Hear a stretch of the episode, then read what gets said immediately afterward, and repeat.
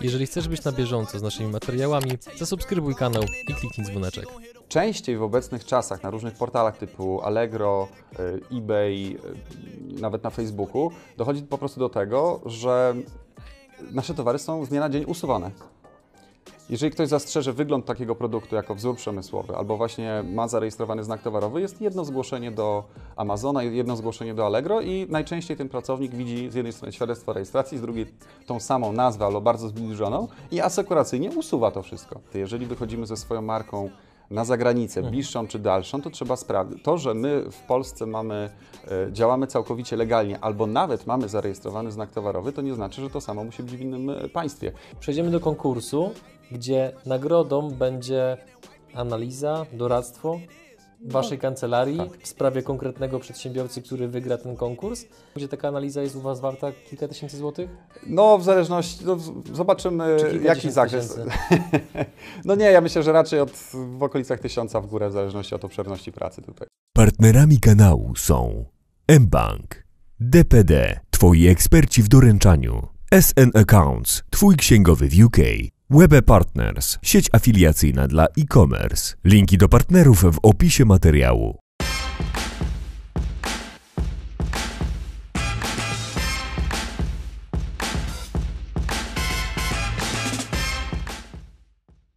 Dzień dobry drodzy widzowie. Dzisiaj pragnę Was poinformować, że po raz pierwszy w naszym programie staje się taka sytuacja, że gość, który już kiedyś w nim wystąpił, pojawi się po raz kolejny. Dzień dobry Mikołaj. Cześć, witaj.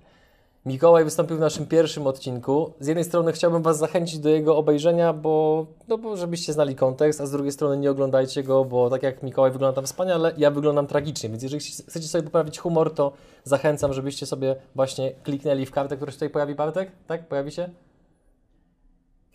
Dzięki. Wsparcie producenta to jest bardzo ważna rzecz. Dzisiejszy odcinek będzie poświęcony tak podstawowej kwestii, która zaprząta głowę praktycznie każdego przedsiębiorcy, który zaczyna, ale też nawet jeżeli już jest na późniejszym etapie swojej kariery zawodowej, czyli wybór nazwy firmy bądź też produktu. Niemniej, zanim do tego przejdziemy, to jedna z moich ulubionych części wywiadu, czyli rozgrzewka, której zasady wytłumaczyłem Ci na samym początku. Natomiast dla tych z Was, drodzy widzowie, którzy nie wiecie, Rozgrzewka polega na tym, że w ciągu minuty zadaję Mikołajowi jak największą ilość pytań, na które on musi odpowiedzieć bardzo szybko na zasadzie jednego słowa, zdania, skojarzenia. Jesteś gotowy? Jestem. Zaczynamy. Najbardziej wstydliwa rzecz, która przydarzyła Ci się w biznesie. Wiesz co? Zostałem oszukany. Gdyby biznes miał smak, kolor, zapach, to jaki? Kawa. Jakiej muzyki słuchasz w pracy? Rok. Czy oglądasz śmieszne filmiki ze zwierzętami? Najczęściej jak mam najmniej czasu. Czego zazdrości Ci konkurencja? Lajków. Co w swoim biurze wymieniasz najczęściej i dlaczego? E, nie ma takiej rzeczy. Lidl czy Biedronka? Biedronka jest bliżej. Wolałbyś walczyć z jedną kaczką wielkości konia, czy z setką koni wielkości kaczki? Z kaczką. Kim chciałeś zostać, gdy byłeś małym dzieckiem? E, paleontologiem. Jeśli nie zajmowałbyś się biznesem, to czym? Nie wiem, malowałbym. Co lubisz robić w wolnym czasie? Biegać. Co robisz, żeby odpocząć? Biegam.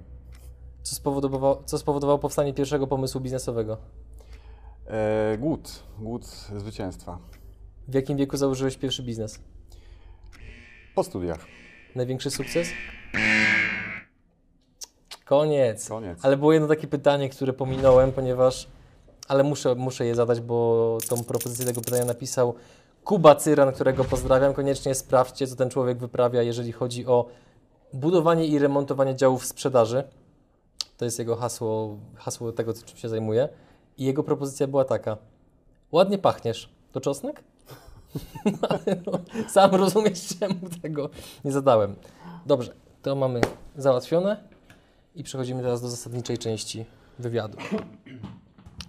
E,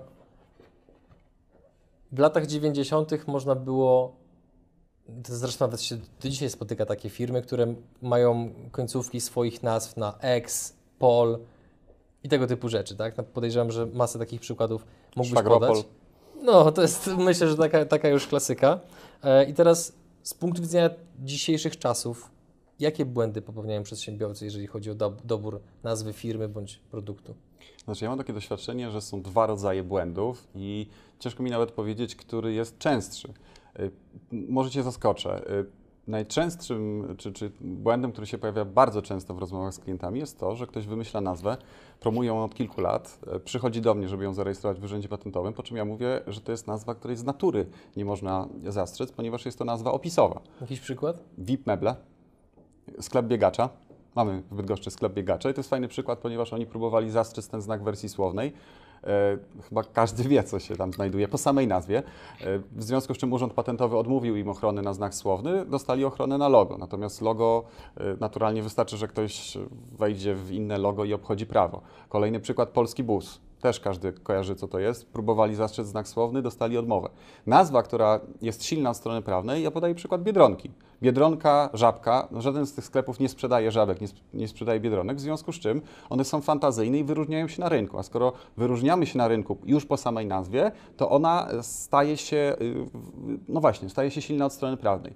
Natomiast drugim błędem, który też bardzo często się pojawia, to jest ten sam, ta sama sytuacja. Ktoś działa na rynku, sprawdził sobie, czy jest wolna domena internetowa, y, czy w Google nie ma identycznej y, nazwy firmy, jeszcze dobrze jak sprawdził w swojej branży.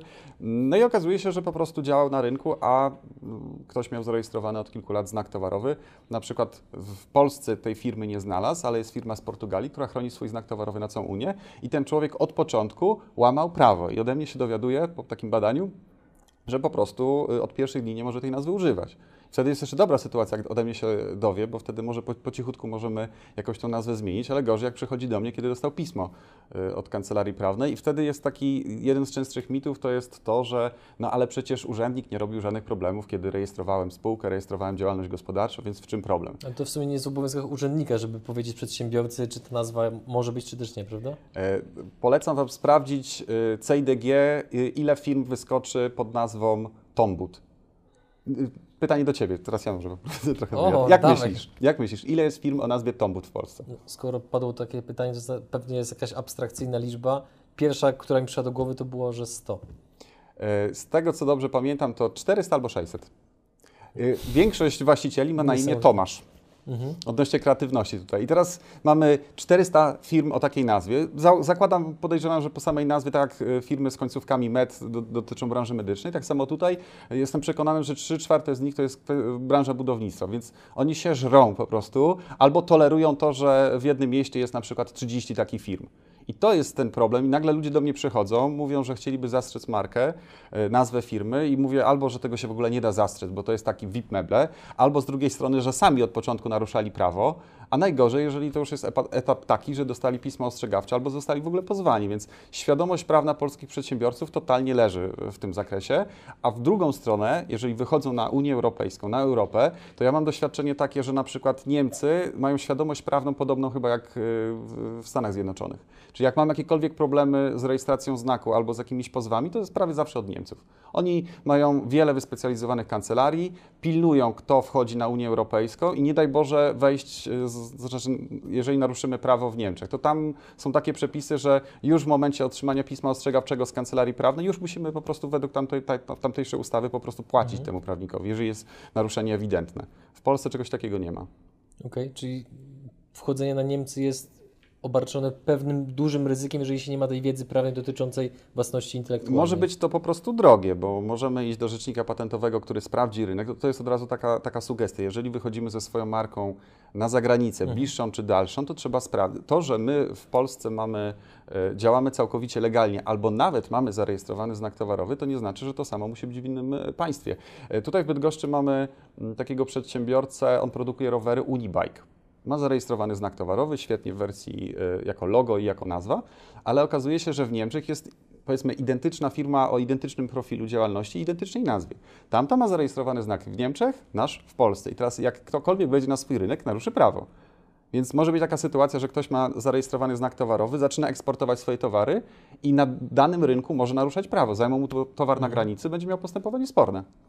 Więc y, trzeba mieć taką świadomość tego, że jak się wchodzi na jakiś rynek, to trzeba sprawdzić, czy nie naruszymy nazwą swojego produktu, nazwą swoich usług, nazwą naszej e, firmy po prostu cudzego prawa. No właśnie, czy mógłbyś trochę rozwinąć wątek tego właśnie, jak, z jakimi konsekwencjami potencjalnymi taki przedsiębiorca może się mierzyć, jeżeli spotka go taka sytuacja właśnie, że wchodzi na przykład na rynek niemiecki, nie wykonał całej tej powiedzmy pracy domowej wcześniej, żeby sprawdzić, jak wygląda kwestia właśnie jego marki na tym konkretnym rynku, czy nie ma żadnej kolizji jakie są potencjalne konsekwencje? To Ile znaczy, może kosztować? najczęściej działa to w ten sposób, że mm, dostaje się pismo ostrzegawcze y, od jakiejś kancelarii, gdzie od razu pierwszym roszczeniem to jest roszczenie o zaprzestanie naruszania prawa.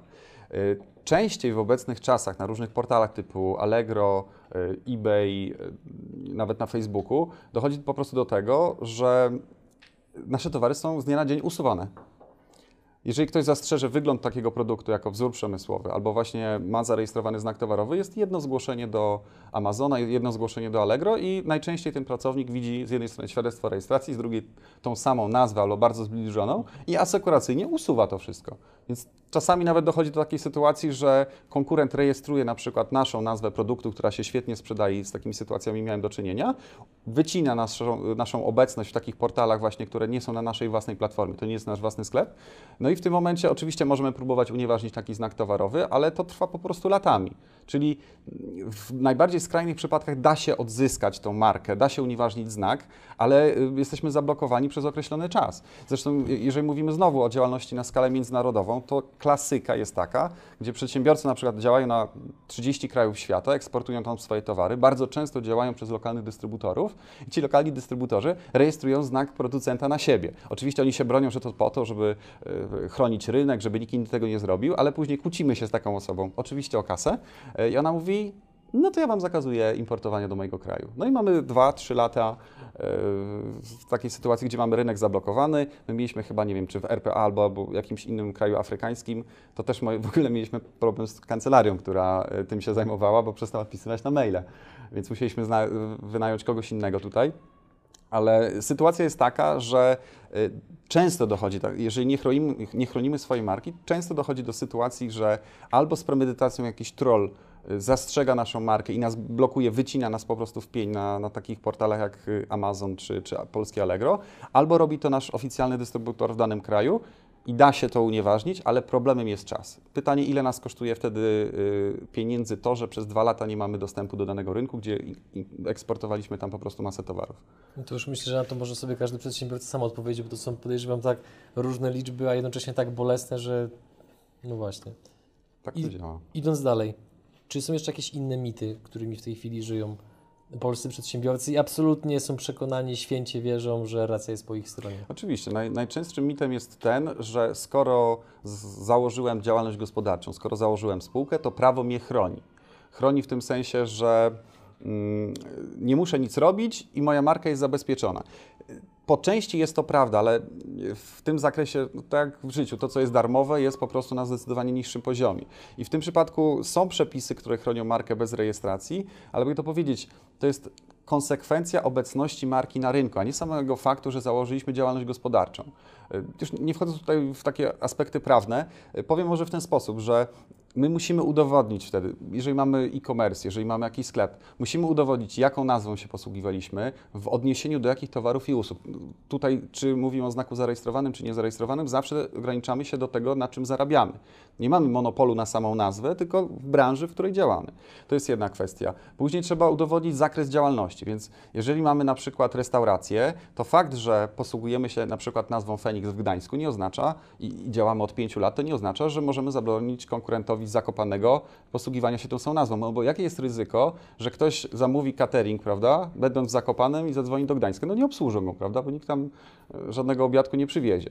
E, I to jest ta kwestia. I my jako, ja mówię też o sobie, jako, jako, jako przedsiębiorca, chcemy mieć pewność prawną.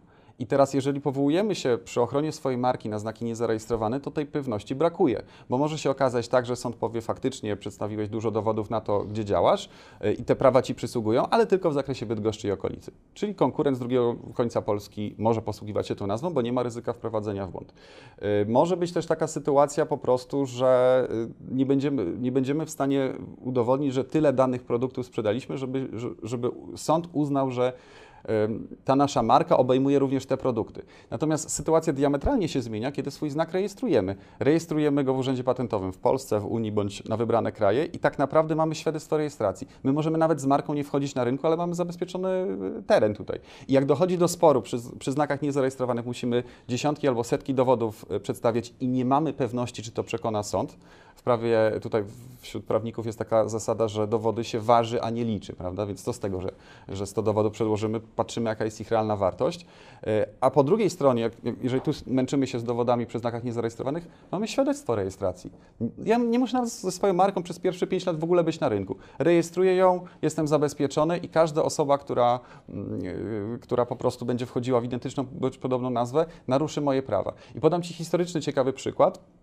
Ponieważ jak pisałem o najstarszych znakach towarowych y, na świecie i w Polsce, to byłem zaskoczony, że jak powstał Urząd Patentowy tam chyba y, 1919 roku, to 3 czwarte zgłoszeń było od międzynarodowych koncernów. Gillette, Coca-Cola, jak się otworzył polski rynek, od razu zaczęły tutaj rejestrować swoje znaki towarowe. A druga taka fala zagranicznych firm była na początku lat 90., czyli też powiedzmy komuna upadła, otworzył się rynek, cudowne lata 90. i faktycznie wszyscy rejestrowali swoje znaki towarowe, więc oczywiście wiele osób Ci powie, będzie się wymądrzać w internecie, że nie trzeba znaku rejestrować, ponieważ y, przepisy darmowe nas chronią, ale patrzymy na duże firmy. One sobie nie pozwalają, jeżeli tam wchodzą duże pieniądze w grę, nie pozwalają sobie na to, żeby y, nie mieć tej pewności prawnej. Y, Możecie udać się też na przykład do, do jakiejś apteki. Każdy lek, każdy suplement, wszystko ma erkę w kółeczku, wszystko jest porejestrowane. Tam są duże pieniądze. Nikt się nie bawi w wywodzenie swoich praw y, i udowadnianie tych, tych, tych praw do znaków niezarejestrowanych, bo to ta pewność prawna jest tutaj, na, no, nie ma jej po prostu. Wszystko zależy od konkretnego przypadku. A przy znakach towarowych sprawa jest jasna. Tak to działa. Nawiązując do tego, co przed chwilą powiedziałeś o tej erce. Oprócz erki w kółeczku, często można też się spotkać z tym takim symbolem TM. TM. No i teraz, jaka jest różnica między tymi, tymi symbolami i czy w ogóle ktokolwiek się w tym orientuje oprócz rzeczników patentowych? Y, To powiem Ci taką historię z mojego dzieciństwa. No, my prowadzimy kancelarię rodzinną, więc ja tym prawem jestem otoczony y, i po pracy rodzice też zawsze opowiadali o ciekawych sporach czy jakichś takich historiach y, z danego dnia. I ja byłem, to znaczy od strony prawnej RK w kółeczku oznacza, że to jest symbol, iż dane oznaczenie, nazwa bądź przykładowo logo jest zarejestrowanym znakiem towarowym. Natomiast jest taki powszechny mit, że to znaczy, że jest oryginalny. I pamiętam, że jak y, rysowaliśmy, jako tam w podstawce koledzy mm, rysowali jakieś graffiti i erkę w kółeczku obok dawali. Ja mówię, a wiecie, że to bez sensu, w ogóle po co to napisaliście? To, to oznacza, że jest zarejestrowany w urzędzie patentowym. Tak spojrzeli, co ty Leszczu wiesz w ogóle o życiu? Naprawdę mi wyś, wyśmiali mnie. Ja, ja wiedziałem, że mam rację, no ale yy, prawda ludu i było więcej, więc... mm, Ale śmieję się, mówiąc o tym przykładzie, ale to jest do dzisiaj. Yy, Na wykopie jakiś czas temu widziałem, była afera, że człowiek powiedział, że kupił buty, nie było erki, no i sprzedali mu podróbę, więc y, szybko mu ludzie wytłumaczyli, że to wcale ta, ta afera to jest wyssana z palca. Y, Sklep się do niego odezwał, skończyło się tym, że takie wielkie oświadczenie y, opublikował na wykopie, że przeprasza, że faktycznie to są wszystko oryginały i, i, i, się tutaj pomylił. Ale fakt, że na przykład nie ma erki w kółeczku nie oznacza, że to jest jakaś podróba. Nie ma obowiązku używania erki w kółeczku i to ma zasadę prewencyjną, czyli jak ktoś widzi erkę w kółeczku, to sobie myśli, ok, ten znak jest zarejestrowany, więc jak mam wejść w jakąś nazwę, to poszukam innej. Więc ludzie na przykład nie zawsze wiedzą, że, że badanie tych znaków robi się w urzędzie patentowym, ale duża część z nich, jak zobaczy firmę o podobnej nazwie i widzi tam erkę w kółeczku, to przynajmniej duża część osób asekuracyjnie od tego odchodzi. A z drugiej strony, od strony marketingowej, y, ludzie przez to, że kojarzą bardzo często y, erkę w kółeczku z oryginalnością, to to działa na plus dla firm, które to chronią. Natomiast to mówimy o znakach zarejestrowanych. Przy znaku niezarejestrowanym można używać symbolu TM, co oznacza skrót od angielskiego trademark, czyli znak towarowy. Jeszcze jest drugi symbol SM, czyli Service Mark, znak usługowy. Widziałem, że na przykład Burger King nawet w Polsce używa SM przy swoim logo. No i to jedynie oznacza, że to jest niezarejestrowany znak towarowy, ale ktoś go uważa za markę handlową. Tak jak mówiłem, przy znaku niezarejestrowanym może być sytuacja taka, że on jest chroniony prawem. I jako ciekawostkę powiem, wiele na przykład aplikacji typu Skype, typu nawet YouTube bardzo często nie tyle używa erki w kółeczku, co symbolu TM. A wynika to z tego, że bardzo trudno zarejestrować znak towarowy na cały świat, a przy aplikacjach mobilnych y, właściwie aplikacja jest dostępna z każdego miejsca na Ziemi, gdzie jest internet. Więc one nie chcąc y, narazić się na zarzut wprowadzania kogokolwiek w błąd, pomimo tego, że znak mają zarejestrowany, to i tak używają symbolu TM, y, wskazując, że to jest marka handlowa. Więc używanie tego TM y, ma, ma wiele plusów, nawet jeżeli tego znaku nie rejestrujemy. Ja na przykład ostatnio w jednym z artykułów na swoim blogu podałem przykład y, konferencji I Love Marketing. Na pewno kojarzysz, byłeś. Mm, Tak, no zdarzyło się kilka razy. Y, I oni mieli taką sytuację, że próbowali zarejestrować ten znak towarowy i ten urząd Unii, co powiedziałem na początku, że pierwszym y, czy naczelnym błędem przedsiębiorców jest to, że wchodzi się w marki, których się nie da zarejestrować. Dostali oczywiście odmowę z tego urzędu unijnego na ten znak towarowy, bo urząd powiedział, że to jest określenie niedystynktywne, czyli nie da się go zmonopolizować, ponieważ w sposób jednoznaczny to jest reklama zachwalająca do korzystania czy, czy uczestnictwie w konferencji z zakresu marketingu. I w sumie coś w tym jest, prawda? I oni zaczęli, widziałem na Facebooku, używać bardzo mocno symbolu T, T przepraszam, w, tym, w ich przypadku SM, prawda? Czyli znak usługowy. Yy, po to podejrzewam, żeby wykazać, że za jakiś czas są tak mocno kojarzeni bezpośrednio z marką handlową swoją, czy marką handlową, czy marką usługową, że będą mogli twierdzić, że mają mm, ich znak nabył wtórną zdolność odróżniającą. Yy, Znaków opisowych się nie rejestruje, ale jeżeli w następstwie ogromnej popularności ludzie kojarzą dane opisowe słowo z konkretną marką, to da się to Jakiś zarejestrować. przykład? Y, E-obuwie, z czym Ci się kojarzy? Od razu ze sklepem, prawda? Momentalnie. tak. Tak samo e-bilet, y, no, Audioteka pamiętam, że też znalazłem. Y, No, no to są takie przykłady firm, które trochę zdominowały swoją branżę, ale w momencie, kiedy one wchodziły na rynek z tą marką, nie dało się je zarejestrować. Więc jestem przekonany, że I Love Marketing jest tak rozpoznawalny, że oni tylko muszą znaleźć dowody, być może za jakiś czas zrobią badanie statystyczne. Jestem przekonany, że uda im się to wykazać, y, bo ja przynajmniej gdzieś non-stop się z ich treściami tutaj spotykam, ale jak im się to nie uda, to posługują się określeniem niedystynktywnym i teoretycznie każdy może tak, w taką nazwę wejść. I jest problem, dopóki ten znak jest niezarejestrowany, no to, to jest duża, duża niepewność, więc nawet dużym się zdarza wchodzić w nazwy po prostu, których się nie da zastrzec. Czyli dobrze rozumiem, że jeżeli wchodzimy na produkt, usługę, na, wchodzimy na rynek, przepraszam, z nowym produktem, usługą, to dobrze jest na samym początku zrobić badanie, czy w ogóle ta nazwa ma szansę być zastrzeżoną? Y, Dwie rzeczy. Y, No i tutaj już tego nie wyczytamy w żadnej, y, w żadnej ustawie, bo to jest bardzo nieprecyzyjne. Tak samo w żadnej ustawie nie jest napisane, jak porównywać, czy znaki są do siebie podobne, czy nie. Szczerze, warto udać się do rzecznika patentowego. My mamy doświadczenie z tymi znakami. My się nie bawimy w jakieś prawo rodzinne i inne takie rzeczy. My jesteśmy skupieni na tematach z Urzędu Patentowego i w pierwszej kolejności trzeba ocenić, czy dane oznaczenie jest na tyle fantazyjne, że może pełnić funkcję znaku towarowego. Czy da y, radę wyróżnić towar bądź usługę na rynku? Podam Ci przykład. Y, Czy z czym Ci się kojarzy określenie y, las w słoiku? No właśnie, tobie się, ja jak dostałem to pytanie od klienta, tak samo zareagowałem, mówię, nie no, wydaje się ok. Natomiast ja sprawdziłem, jak, jak wpiszemy coś takiego w, w, po prostu w Google, to się okazuje, że to są, y, i nawet w sklepach to jest sprzedawane, to są roślinki w słoiku, je tam zamykasz, taki mikro tam flora się z tego robi, albo w ogóle to się podlewa normalnie i to jest nazwa rodzajowa. Drugie pytanie, co to jest trytytka? No nie, no to... No dobra, to, Przepraszam. to nie nie to. mnie, przepraszam. Słuchaj, trytytka to jest taka obejma plastikowa zaciskowa. Czasami chłopaki się nią y, w samochodach, A. wiesz, żeby... Tak, ale i teraz Ja to kojarzę z trochę innych zastosowań, ale już wiem o co Okej.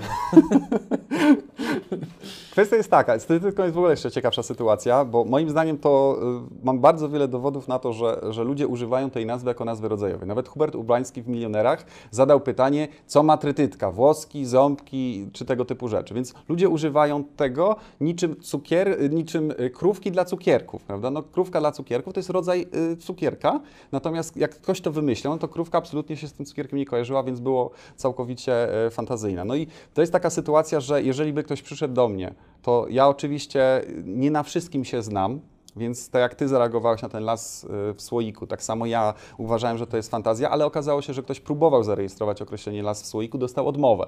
Żeby było ciekawiej, trytytkę udało się zarejestrować, y, ale moim zdaniem taki znak towarowy jest podatny na unieważnienie, ponieważ nawet na Wikipedii jest definicja, że trytytka to jest właśnie plastikowa obejma zaciskowa, więc kto wie, czy z czasem nie dojdzie do sytuacji, że ktoś to unieważni. Więc y, wymyślamy nazwę, najpierw trzeba ocenić, czy, da, czy ona może pełnić funkcję znaku towarowego, czy jest fantazyjna. Jak uznamy, że tak, to jest drugi etap, sprawdzamy, czy nie ma znaków podobnych. Okej. Zanim przejdę do kolejnego pytania, to odpłacę pięknym za nadobne. Wiesz, co to jest żararaka? Absolutnie nie. Bardzo jadowity wąż. Siadło, co? Ostatnio spokój, oglądałem- pewnie nikt nie wie o tym. No, no ale to nazwa jest piękna i przynajmniej mogę mo- moją wadę wymowy R ćwiczyć na tym. Idąc dalej. Czy znak to tylko logo, czy logo i nazwa? I co lepiej jest chronić? Nazwę czy logo? Ojej, to z, z tym czy nazwa, e, czy logo, to Ci zadam może inne pytanie. Co jest lepsze, samochód terenowy czy sportowy? Zależy od zastosowania. Zależy, zależy i to jest słowo klucz. Jeżeli mm, pytanie, z czym nasza marka bardziej, bardziej, się kojarzy? Czy to jest charakterystyczne logo i w tym momencie zastrzegając taki znak towarowy to logo chronimy, czy raczej chodzi o nazwę? Nie ma tutaj prostej odpowiedzi, chociażby z tego tytułu, że e, w zależności od zastosowania lepiej się nam przyda ochrona logo bądź lepiej nazwy. Przykładowo, jeżeli chcemy chronić domenę internetową, to zgłaszając logo, szczególnie takie, które w jakiś sposób ta nazwa zawarta w tym logo sugeruje, czym się zajmujemy, to pojawia się wątpliwość, to co powiedziałem wcześniej, czy my mamy nazwę opisową i dostaliśmy ochronę tylko dlatego, że mamy szatę graficzną fantazyjną, czy chronimy samo słowo, więc dla ochrony domeny internetowej lepiej jak mamy mm, znak słowny. Z drugiej strony jak y, chronimy etykiety swoich opakowań albo mamy charakterystyczne logo i ktoś może, mm, i na przykład chronimy, przepraszam, tylko znak słowny, a ktoś podszyje się pod nasze logo, ale użyje innych słów, to znak słowny nic nam nie pomoże. Generalnie można powiedzieć, że najlepiej mieć i to, i to, ale na przykład przy ochronie międzynarodowej, jak rozszerzamy tę, tą ochronę na przykład znaku polskiego na 50 krajów świata, to jak y, robimy rebranding, to musimy no, jeszcze raz zgłosić. Re, rebranding rozumiany jako zmiana logo na powiedzmy zupełnie niepodobne, więc y, choć nie można powiedzieć, która ochrona jest lepsza, to ja osobiście mam wrażenie, że ten znak słowny daje więcej możliwości egzekwowania prawa. Tak samo na Amazonie, Allegro. Y, już różne historie słyszałem, że osoby, które tam pracują, uważają, że jeżeli znaki różnią się graficznie, to nie ma naruszenia prawa. To jest absolutnie nieprawda, ale my tam musimy rozmawiać z pracownikiem, który być może jest po trzydniowym y, przeszkoleniu, co to jest znak towarowy. W związku z czym, żeby nie dawać jakiegoś pola do interpretacji, dobrze posiadać najlepiej dwie odmiany znaku, a jeżeli się da, to znak słowny. I to jest, y, zresztą w prawie też jest takie domniemanie, że jeżeli udało nam się zastrzec znak słowny, to on musi mieć, czy on ma zdolność odróżniającą. To można próbować podważyć z czasem, ale do czasu mhm. unieważnienia znaku on, on, on jest tutaj zastrzeżony. Natomiast, żeby było ciekawiej, większość znaków, czy 99% znaków jest zgłaszanych jako nazwę bądź logo, natomiast znakiem towarowym jest chociażby wygląd Pałacu Kultury, y, wygląd Stadionu Narodowego. Y, ja zobaczyłem, że też ta opera w Sydney czyli to są tak zwane znaki przestrzenne. Tutaj zaczyna się robić y, przy tych znakach tak zwanych niekonwencjonalnych ciekawa sprawa w tym zakresie, że one są czasami próbą, y, to jest próba wykorzystania tych przestrzennych znaków towarowych do ochrony y, pomysłu trochę na biznes, ponieważ kiedyś kostka Rubika, klocek Lego, one były chronione patentami. Patenty po 20 latach maksymalnie, jak są przedłużane, wygasają, więc jak to były technologie powstałe w latach 60., 70., to nawet jak y, maksymalnie to chroniono różnymi patentami, to one do dzisiaj wygasły. No więc próbowano zarejestrować y, oba te znaki, to, znaki towarowe, te wygląd zewnętrzny tych produktów y, jako przestrzenny znak towarowy. W przypadku klocka Lego to się udało Urząd to po czasie, chyba po 6 latach unieważnił, a teraz się toczy bój o unieważnienie wyglądu kostki Rubika i dobrze, ponieważ taka ochrona znaku przestrzennego daje lepszą ochronę niż patent, ponieważ znak może być co 10 lat przedłużany w nieskończoność i Rubik czyści rynek. Po prostu ile ja miałem porad prawny, że komuś zajęli na granicy towar e, tego typu, prawda? czyli kostki, które dzisiaj się muszą nazywać kostkami do gier logicznych, e, mają zupełnie inną technologię w środku, ale nie mogą uciec od tego wyglądu. I naprawdę e, to są takie kontrowersyjne znaki, gdzie e, duże firmy po tym, jak zarejestrowały nazwę, logo, czasami kolor, jakieś inne elementy swojej wizualizacji, próbują zmonopolizować ten swój wiodący produkt. Pamiętam też historię z brytyjskiego urzędu patentowego, gdzie próbowano jako znak towarowy zastrzec zapach, zapach perfum Chanel No. 5. I teraz, jakbyśmy się zastanowili, czy, czy perfumy mogą, czy perfum, czy zapach może być znakiem towarowym, y, to ja na swoim blogu podałem taki przykład. Na pewno byłeś w Wistuli, prawda? Mhm. Oni mają specyficzny zapach, jak się do nich wchodzi. Więc jak kupisz u nich jakieś ciuchy, y, jesteś zadowolony z tego zakupu, to idąc w galerii poczujesz ten zapach i od razu zacznie Ci się z Wistulą kojarzyć. Czyli zapach jest w stanie pełnić funkcję identyfikującą usługi, powiedzmy, albo towary w tym, w tym przypadku. Natomiast y, Urząd Brytyjski odmówił rejestracji y, zapachu Chanel No. 5, ponieważ wyszedł z innej podstawy prawnej i mówił, że z, znak towarowy musi dać się odróżnić od towaru bądź usługi. Czyli tu mamy jedno to jest zapach, drugi to jest na przykład jakieś marynarki albo usługa sprzedaży tych marynarek. Natomiast w przypadku, kiedy chcemy zastrzec zapach, y, tego, ten Chanel Number 5, to musiałby być, znak towarowy byłby znakiem towarowym dla samego siebie. I nie może być. Czyli musimy to odróżnić. Ten sam problem pojawia się trochę z kostką Rubika. No, mamy tutaj wygląd kostki Rubika i, i chcemy chronić kostkę Rubika, więc znaki niekonwencjonalne są e, niesamowite. Mm, Raczej to jest ciekawostka, to jest mało praktyczne. E, Innym przykładem, jeżeli na HBO coś oglądałeś, no, nie wiem, grę o Tron czy cokolwiek, tam Balersów ostatnio, gadaliśmy dzisiaj. tak, tak. To tam jest y, często tak, przynajmniej w część seriali, które same produkują, czy jeżeli HBO produkuje serial, w przypadku Gry o Tron, tam na przykład pierwsze trzy sekundy, które się pojawiają, takie, takie intro charakterystyczne, to jest multimedialny znak towarowy za- zarejestrowany w Unii Europejskiej. Czyli te trzy sekundy, ta kaszka, która się pojawia, tego typu rzeczy. Więc czas, ja widziałem, że w, jest zarejestrowany taki wir w butelce jakby. No, totalna abstrakcja, można powiedzieć. Przez kogo? A to nawet nie wiem, nie, nie sprawdzałem. Wiem, że jest zarejestrowany znak y, gest. Gest w postaci takiej literki L. Prawda? Ale jest, y, teraz pyta, kolejne pytanie do Ciebie będzie. Y, Czy gest może pełnić funkcję znaku towarowego? Z czym Ci się kojarzy ten gest? No z obcinaniem czegoś. A z batonikiem jakimś może? Twix? Twix. No, Zgadza się. Tam w latach 90. było dużo reklam tego i to też e, w krajach Beneluxu udało się zastrzec gest jako ten znak towarowy. Czyli tak go, czyli podejrzewam, że gdyby próbowano to mm, zastrzec w momencie, kiedy ktoś wpadł na pomysł, żeby identyfikować w ten sposób batoniki, to by nie przeszło, ale w następstwie nakładów na reklamę ten gest wielu osobom zaczął się kojarzyć bezpośrednio z Twixem. Może nie zgadłeś dlatego, że bardzo dawno tej reklamy nie było, prawda? Ale i tak gdzieś ci to utkwiło, prawda? W głowie. Może lata 90. coś takiego, więc Znaczy tak jak podpowiedziałeś, że batonik to od razu gdzieś tam taki nastąpił flashback właśnie i powrót do takich tych właśnie reklam, gdzie te, te, te, te, te dwa paluszki się gdzieś tam ze sobą stykają. Tak, ale powiem tak, to są świetne tematy, znaki niekonwencjonalne, one są e, generalnie mało praktyczne, ponieważ e, dotyczy to dużych marek i chyba około 1% zgłoszeń dotyczy znaków niekonwencjonalnych, ale z drugiej strony, jak taka kostka Rubika e, zarejestrowała ten znak przestrzenny, to wycina po prostu całą swoją konkurencję. Więc ja osobiście uważam, że tego typu znaki są bardzo szkodliwe i jest coraz trudniej je rejestrować i chyba dobrze, ale sam fakt, że idziemy na mecz na Stadion Narodowy i to jest wszędzie znak towarowy, albo jest cukierka Toffee Fi, to też jest znak towarowy. Wsiadasz do Smarta, wygląd tego samochodu też jest zarejestrowanym znakiem towarowym. Zaczęliśmy od nazwy i loga, nagle się okazuje, że to może być praktycznie wszystko i tak jest. Drodzy widzowie, jeżeli macie jakieś inne przykłady bardzo ciekawych historii dotyczących znaków towarowych, to dajcie nam, nam znać w komentarzach. Ciekawych przykładów nigdy za wiele. A tymczasem przechodzimy do kolejnego wątku, jakim jest kwestia podobieństwa do, zastrzeż- do zastrzeżonego znaku. Czyli na przykład mamy sieć marketów Mila i czy gdyby nazwać tak samo swoją markę czekolady, to już możemy się szykować na pozew, czy też nie? To znaczy tak, zna, y, ochrona znaków towarowych zawsze jest ograniczona do towarów i usług, więc mogą na rynku istnieć firmy o identycznych nazwach, wszystko będzie legalne, dopóki one nie będą y, oferować podobnych towarów i usług. I to jest taka zasada przy znakach zwykłych, czyli znakach, które nie cieszą się na przykład renomą. Y, z drugiej strony, jeżeli ja bym dzisiaj wszedł na rynek z samochodami o nazwie Coca-Cola, no to naturalnie ludzie by skojarzyli mnie z tą marką i może pomyśleli, że mam jakieś związki gospodarcze, w związku z czym y, chętniej by kupowali ten samochód, niż gdybym go nazwał, nie wiem, stokrotka.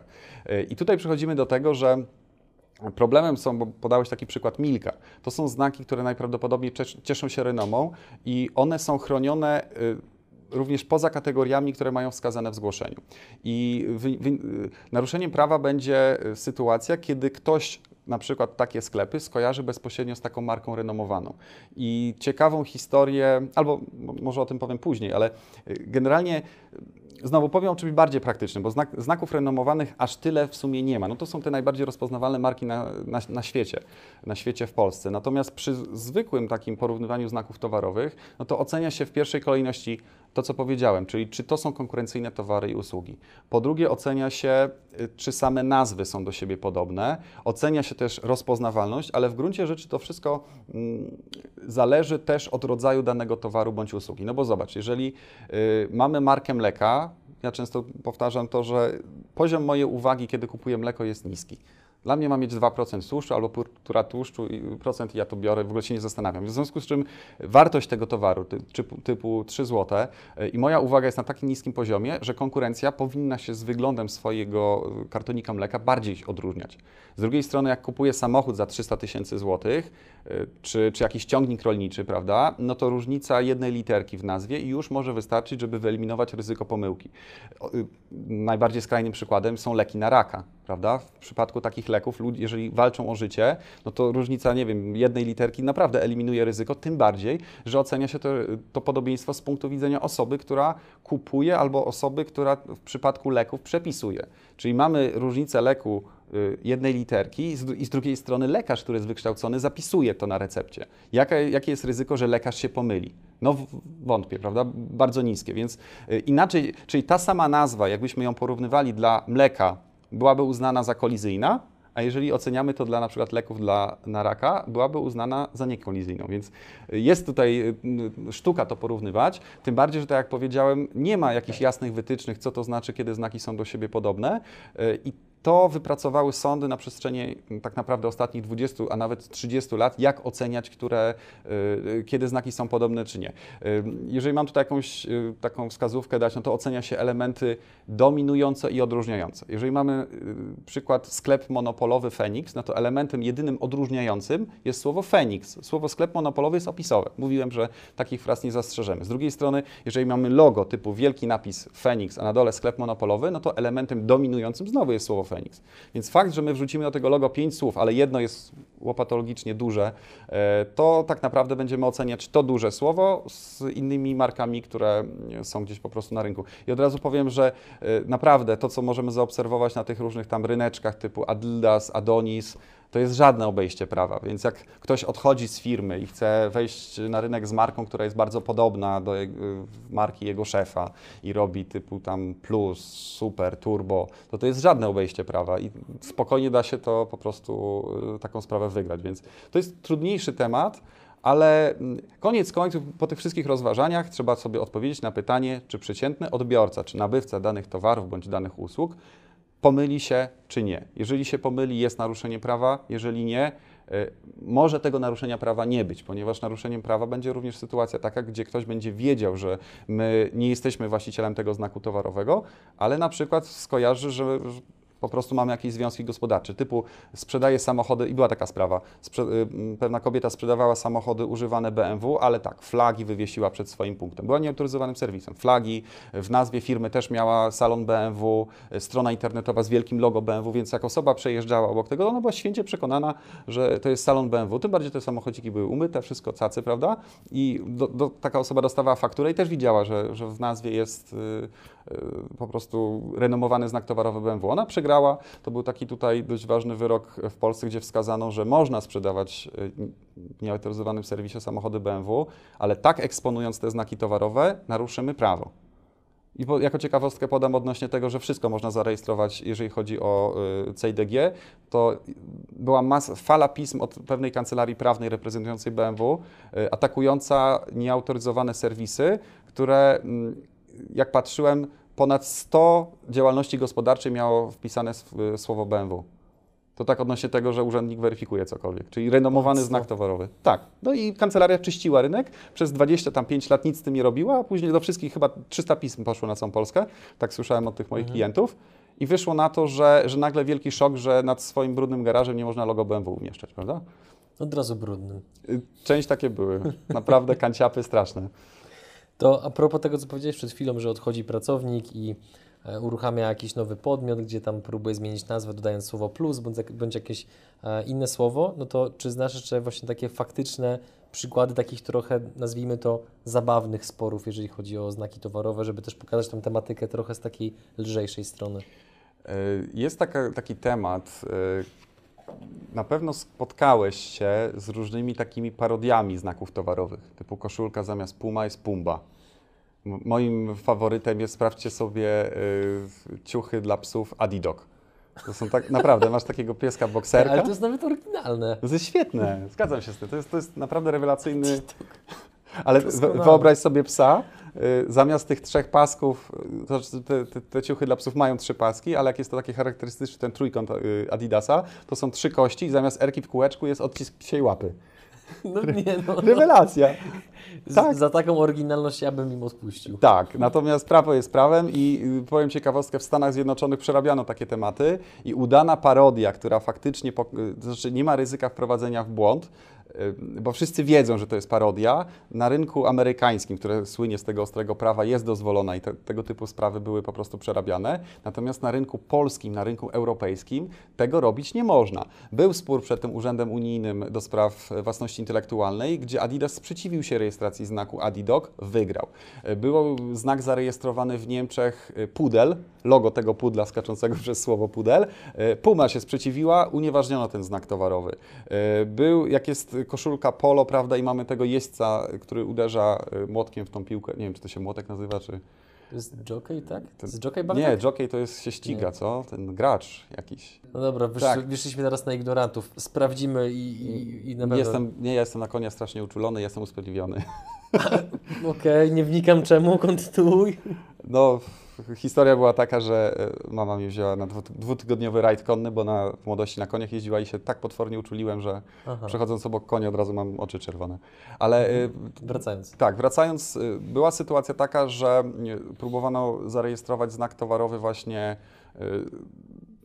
osoby, która jedzie na rowerze i uderza takim młotkiem w piłkę, czyli też parodia taka. Też y, urząd uznał, że, że to jest może nie, nie tyle naruszenie prawa, co osoby, jak, jak zobaczysz na przykład koszulkę Pumba, prawda, skaczącego Pumbę przez, przez napis Pumba, to wiesz, że to nie jest Puma.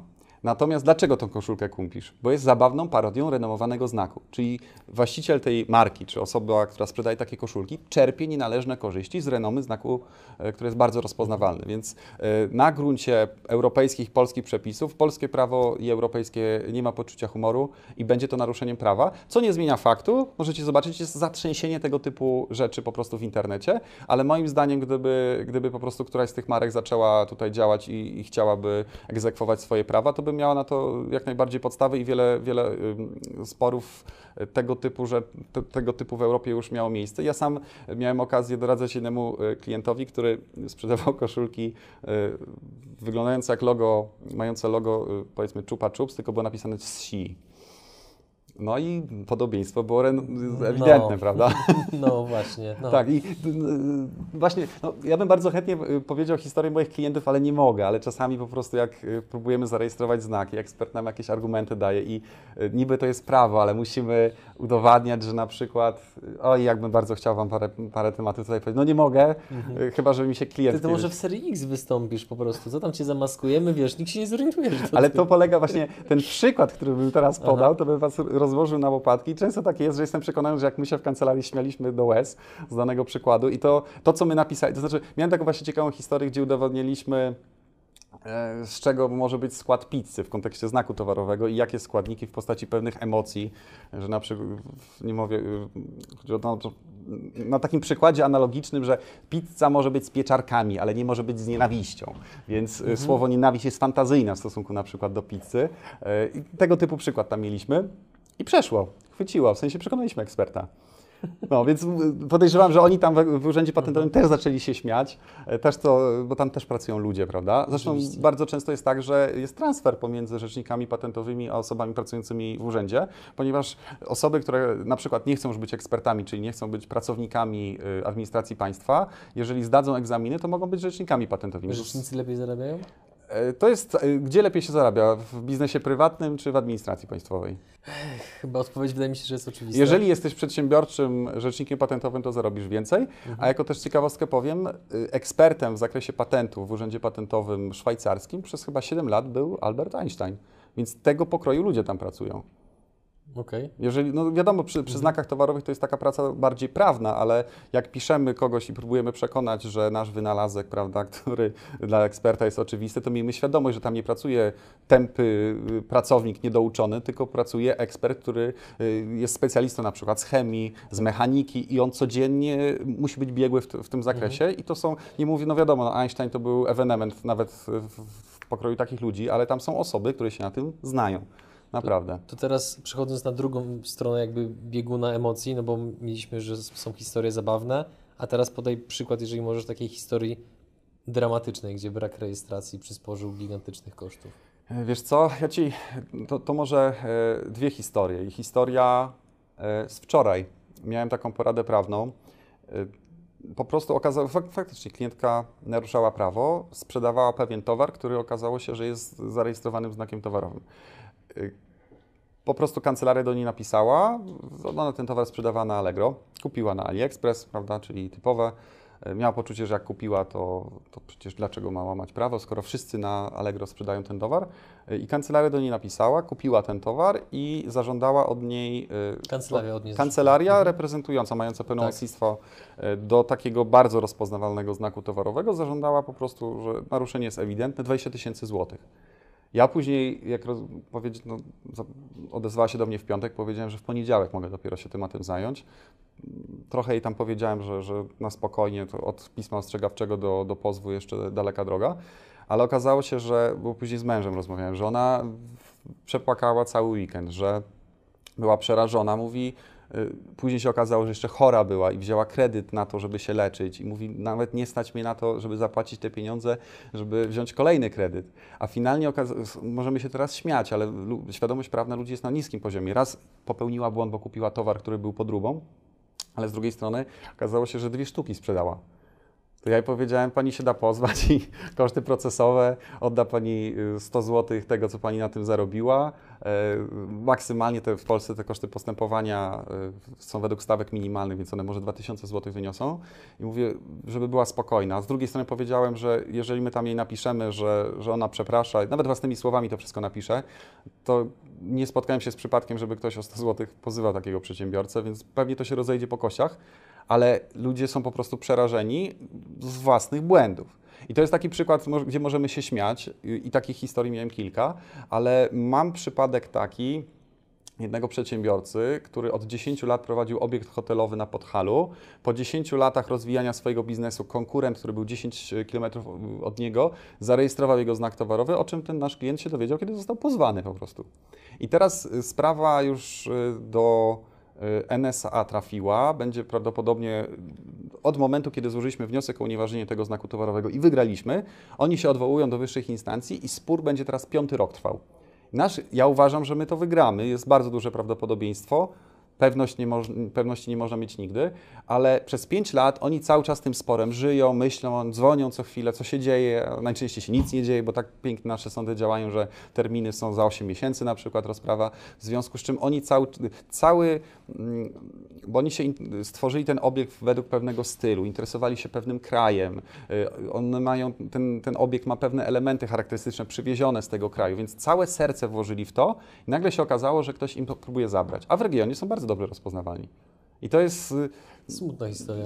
I to się zdarza, to się po prostu zdarza, więc y, można oczywiście działać bez rejestracji. Y, Ja uważam, że raczej jeżeli mamy warzywniaczek jakiś mały, prawda, działamy naprawdę na skalę mikro, Tak. ale jeżeli wychodzimy poza jedno miasto, województwo albo działamy w ogóle w internecie, to jest szaleństwo.